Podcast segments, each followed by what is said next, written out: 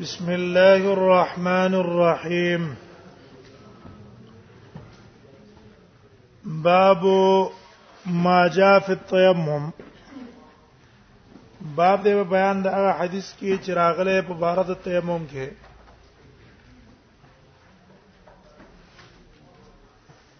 یو سړی ته وبنه ملاويږي یا وبشتا خو قادر په استعمال نه ده نو داغه د پاره تیمم په دا وخت کې جایز ده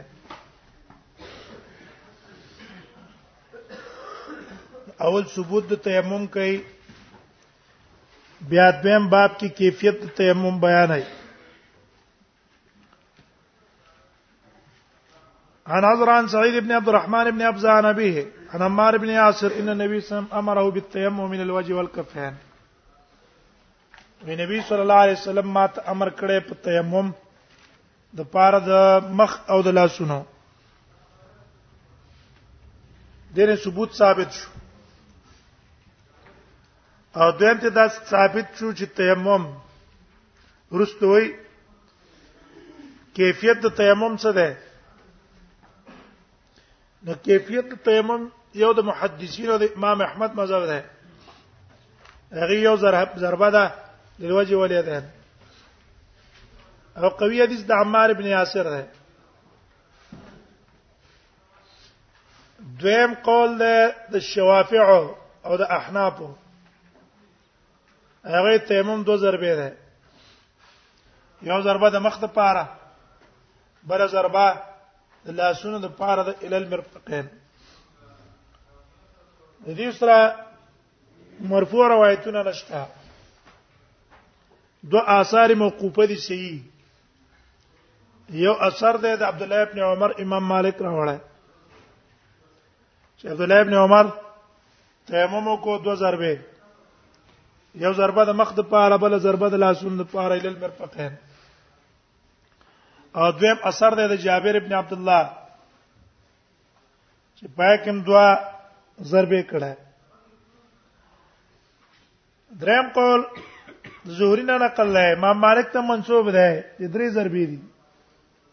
یو د مخ د پاره بل د لاسونو د پاره او درېمه د دوانو د پاره هیڅ دلیل په دې دي څه نشته وقد رویا فی الباب انا عائشہ ابن عباس قال ابو ساوي حدیث د عمار حدیث حسن صحیح وقد روى عن عمار من غير وجه وقول غير واجب عمار نه دا په مختلفو طریقو دا حدیث نقل لای تقریبا په شپږو طریقو ته نقل لای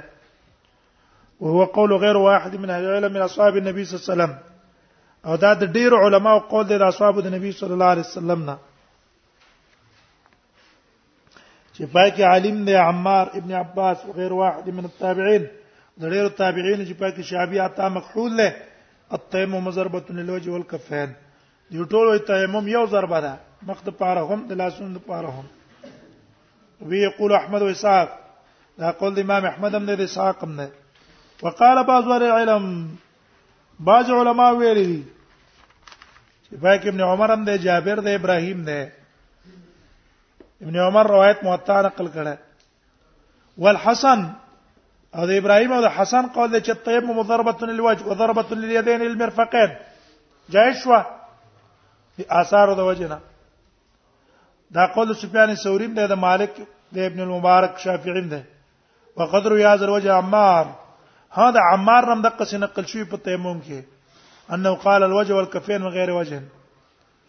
چې لفظ د وجه او کپین ویلي من غیر وجن په ډیرو طریقو وقد روان عمار انه قال تيممنا مع النبي صلى الله عليه وسلم من المناكب والابات ها دا غنه روایت نقل دام دی چې عقاب مناکب پورې دی اباتو پورې اباتو دیږي پورې تیمم کړه ابو داود کې بلا تفصیلی روایت راشي او بس ثابت کېلته استراب دا روایت څه ده دا روایت مسترب ده فضعف بعض اهل العلم حدیث عمار النبي صلی الله علیه وسلم في التيم والوجه والكفين بعض علماء را لګی دي چې د ته زوی پیره ده لما روي عن حديث المناكب والايام وذكر حديث المناكب وباتم نقل ده. اسحاق ابن ابراهيم وايي حديث د حمار په تيمم کې لوجه والكفين هو حديث صحيح به ته برادو کو جنا صحیح حدیث ته حدیث د عمار چې تیمم نه مع نبی صلی الله علیه وسلم کې ولا بات ليس بمخالف من الحديث الوجه والكفين هیڅ مخالفت نشته ولی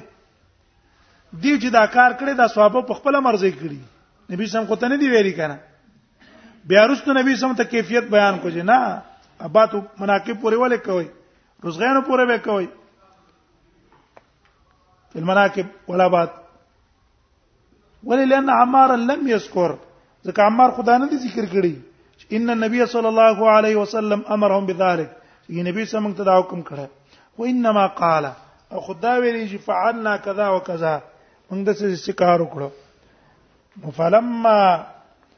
هر کله چې سال النبي صلی الله علیه وسلم د نبی سم نه تاسو کړلو اذا الله نبی موږ تیمم په صحیح طریقه څنګه وکړو امره بالوجه والكفين هغه ته حکم وکړو بالوجه والكفين مخه په ورغه باندې والدليل على ذلك په دې باندې دلیل دا ده چې ما افتا بي عمار عمار په پتور کړی د پس د نبی صلی الله علیه وسلم نه په بار د تیمم کې انه قال الوجه والكفين چې الوجه والكفين نه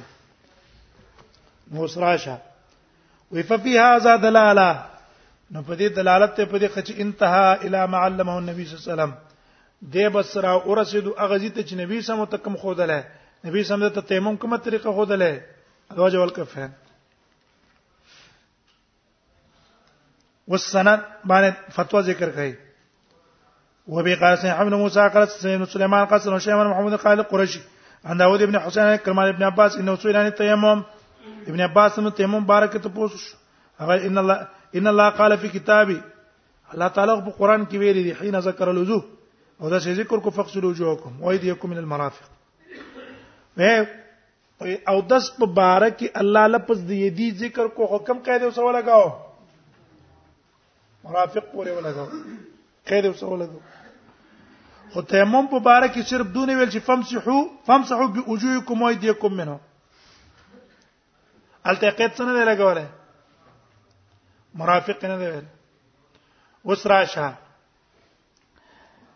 معلومیږي دا چې لفظ د یت مطلق ذکر شي نو کوم ځای ته مراد ده روزغه تکشوا چې مطلق یت ذکر شو کوم ځای به مرادي روزغه وځي چې موږ تجاوز چاته کوو مرفق تن الا به پکې ذکر کې نو ګوره په تیمم کې اوس الا ذکر نه کو په اودس کې اوس الا ذکر کو نه دا نه ذکر کول په تیمم کې دلیل دی په دې خبره چې دا کوم ځای پوری ولی قران کې وګورئ سارق مبارک الله وای والسارق والسارقه فقطوا ايديهما نبی صلی الله علیه وسلم کې غوڅ کړه روزه کې فكانت السنه في القتل الكفين نو په سنت کې په قطع کې کپین دي انما هو الوجه دا دلیل دی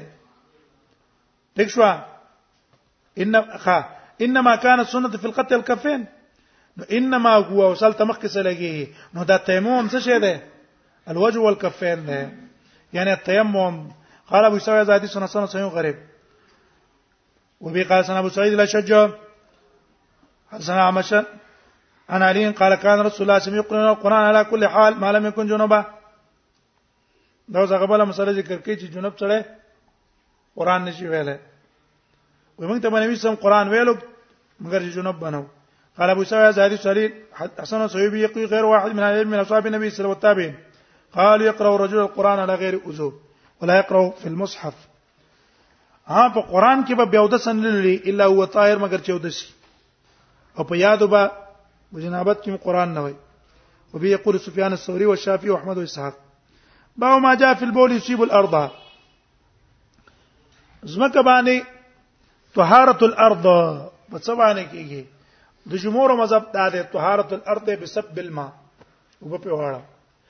احناف په نس درې طریقې دي احناف په نس دوه طریقې دي یو د جفاف الارض زمکه چې وچه شو په نور باندې پاک شو او دویم ده بصب الماء خو په شرط د دې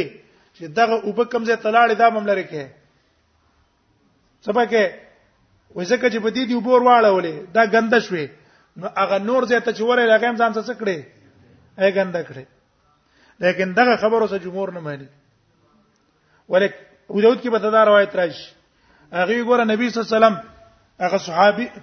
هغه عربي چې راغی جمعه کې امتیاز وکړي وې نبی صلی الله علیه وسلم حکم وکړلو چې د کوم ځای کې امتیاز وکړي دا او کنه